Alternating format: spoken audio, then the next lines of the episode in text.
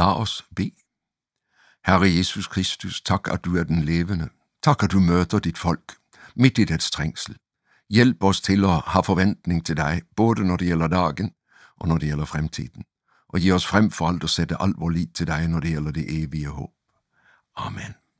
Vi skal læse sammen fra Matteus evangeliet, kapitel 24. Det er Jesu endetidstale. Vi læser fra vers 4. Jesus tog til ure og sagde, Pas på, at ikke nogen fører der vil, for mange skal komme i mit navn og sige, jeg er Messias, og de skal vildlede mange. Der skal høre om kriger, og det skal gå rygter om krig. Se der til, at der ikke lader deres skræmme, for dette må ske. Men endnu er ikke anden kommet. Folk skal rejse sig mod folk og rike mod rike, og det skal være hungersnød og jordskælv mange steder. Men alt dette er bare begyndelsen på fødselsrigene. Der skal de ytlevere der til forfølgelse og slå der ihjel. Ja, der skal harte sig alle folkeslag for mit navns skyld. Der skal mange falde fra, og de skal angive hverandre og harte hverandre. Mange falske profeter skal stå frem og føre mange vil. Og fordi lovløsheden tager overhånd, skal kærligheden blive kald hos de fleste. Men den, som holder ud til anden, skal blive frelst. Og dette evangeliet om riket skal forkyndes i hele verden, til vidnesbyrd for alle folkeslag, og så skal enden komme. Herren kommer. Det er den stærke forventning, som møder os gennem hele det nye testamente. Fra evangelierne og til Johannes åbenbaring, så dukker det op igen og igen uret om Jesu genkomst.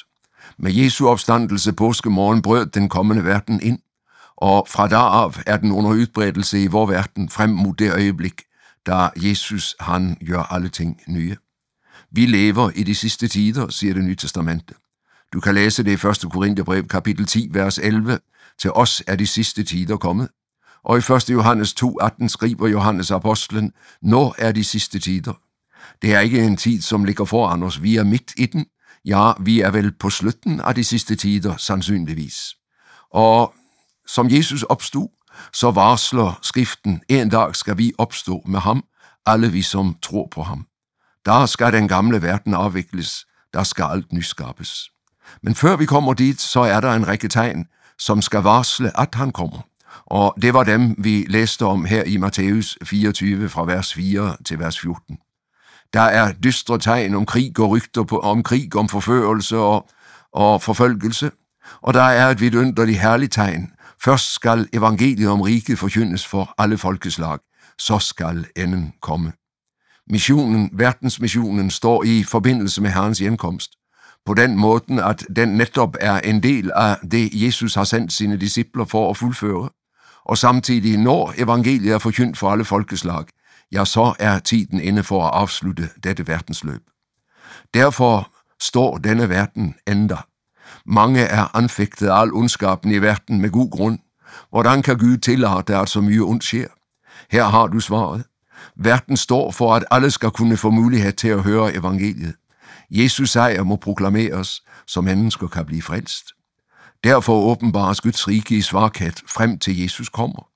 Han er fortsat den tjenende gennem folket sit, som gennem alle sine tjenere forsøger at nå de mange, så det, som er Guds vilje, kan ske, nemlig at alle skal blive frelst. Vi ser tydeligt i skriften, at alle bliver ikke frelst, men Guds længsel er, at flest muligt skal tage imod evangeliet, og derfor holder han verden oppe. Til himlen kan der ikke tvinges, der kan der bare ringes, sagde gamle Grundtvig, salmedigteren.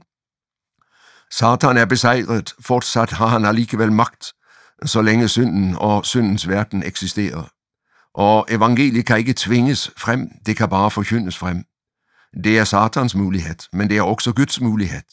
Så længe evangeliet lyder, så er der stadig nye mennesker, som hører det, kommer til tro og vender om. Det skal altså præge tiden frem til Jesus kommer. Men derfor må vi også tåle de falske profeter, forførelsen og forfølgelsen. Det er en mærkelig sandhed, at akkurat som evangeliet blev fuldbragt, uret om Jesu død og opstandelse er uret om vor frelse, øh, på korset fuldbragte han det, som var nødvendigt for, at vi skulle blive frelst. Så må evangeliet bæres ud gennem ledelse. Det er Jesu kår, det er disciplenes kår. Og derfor så ser vi det allerede i det nye testamente. Evangeliet lides frem i verden. Når Paulus får uret om, at han skal forkynde evangeliet, så er det knyttet til et ord om, at du skal lide mye for mit navns skyld. Og vi ser det. Paulus, han taler om det, at han opfylder på sin krop det, som mangler i Kristus trængsler. Der er en lidelsestjeneste i menigheden til gangen for Kristi krops mutning og til gangen for dette, at evangeliet kan nå til jordens ender. Så må vi ikke se på lidelse bare som noget negativt. Paulus siger det ret ud, det er af nåde, nogen er pålagt også at lide for Kristi navns skyld. Også på den måten åbenbarer Herren sin herlighed midt i afmagten. Jesus er undervejs. Evangeliet er på vej ud. Så har vi en række negative tegn, som også varsler, at vi nærmer os enden. Det, som frem for alt er klart, er, det er trangt at være menighed, mens vi venter på Jesus. Der er ingen grund til at blive forskrækket, når du ser, at kristenforfølgelserne tager til rundt om i verden.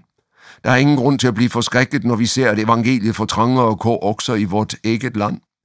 Det er ikke mere end 200 år siden, at en Hans Nielsen Hauge blev sat i fængsel, fordi han forkyndte evangeliet. Det er ikke overraskende, at vi også i dag oplever, at mange vender ryggen til og prøver at gøre det trangt og forkynde evangeliet i vort land. Vi ser, hvordan vilkårene for at forkynde frit bliver strammere. Endnu har vi tiden. Endnu kan vi råbe ud ordet om Jesus. Men vi ser, at mange prøver at hindre, at ordet skal nå barn og ungdom. Og vi ser, at ting sker, som er med til at gøre det vanskeligere og vanskeligere at nå den unge generation med evangeliet. Jeg tænker ikke mindst på det, som har med samliv og seksualitet at gøre, hvor nye toner gør, at det at være kristen lærer i skolen for eksempel bliver vanskelig, når man bliver tvunget til at forkynde, at det at leve sammen, to af samme køn, det at der findes en lang række forskellige køn og så videre, det kommer ind som pensum, og lærere, de bliver pålagt og dosere denne nye tankegang. Der bliver det ikke let at bekende Jesu navn og blive stående for et kristen samlivssyn. Desværre så oplever vi også, at langt ind i kirken, så er frafaldet en virkelighed. Vi læste, at der skal komme et stort frafald. Er det det, vi ser konturerne af i dag? Når vi ser, hvordan også kirken accepterer denne nye samlivslæren på tværs af Guds ord, og vender ryggen til det, som skriften siger. Jo, Gud vil alles frelse. Modstanderen ønsker ikke, at mennesker skal blive frelst, og han bruger tiden for at hindre, at det skal ske. Så mye vigtigere at du og jeg bruger adventstiden til bøn og forberedelse, og til at være med at bede frem, at mennesker fortsat kan møde evangeliet også i landet vort. I dag er tiden for at løfte Jesu navn og sige til mennesker, her går frelsens vej. Og i dag er det tiden at bevidstgøre sig, at du selv holder dig nær til Jesus, så ikke nu får lov at komme mellem dig og ham, så ikke nu får lov at tage dig bort fra en levende tro. Djævlen går omkring som en brølende løve og prøver at skræmme os fra at følge Jesus. Men livets vej, det er vejen i Jesus spor. Om det koster, så varsler det også det bedste ligger foran. Lad os derfor bruge den kostbare tid til at løfte Jesu navn frem, vidne om ham og selv leve tæt på ham, også i denne adventstid. Amen. Over Bibel var ved Kurt Hjemdal. Serien produseres av Norea Mediemisjon.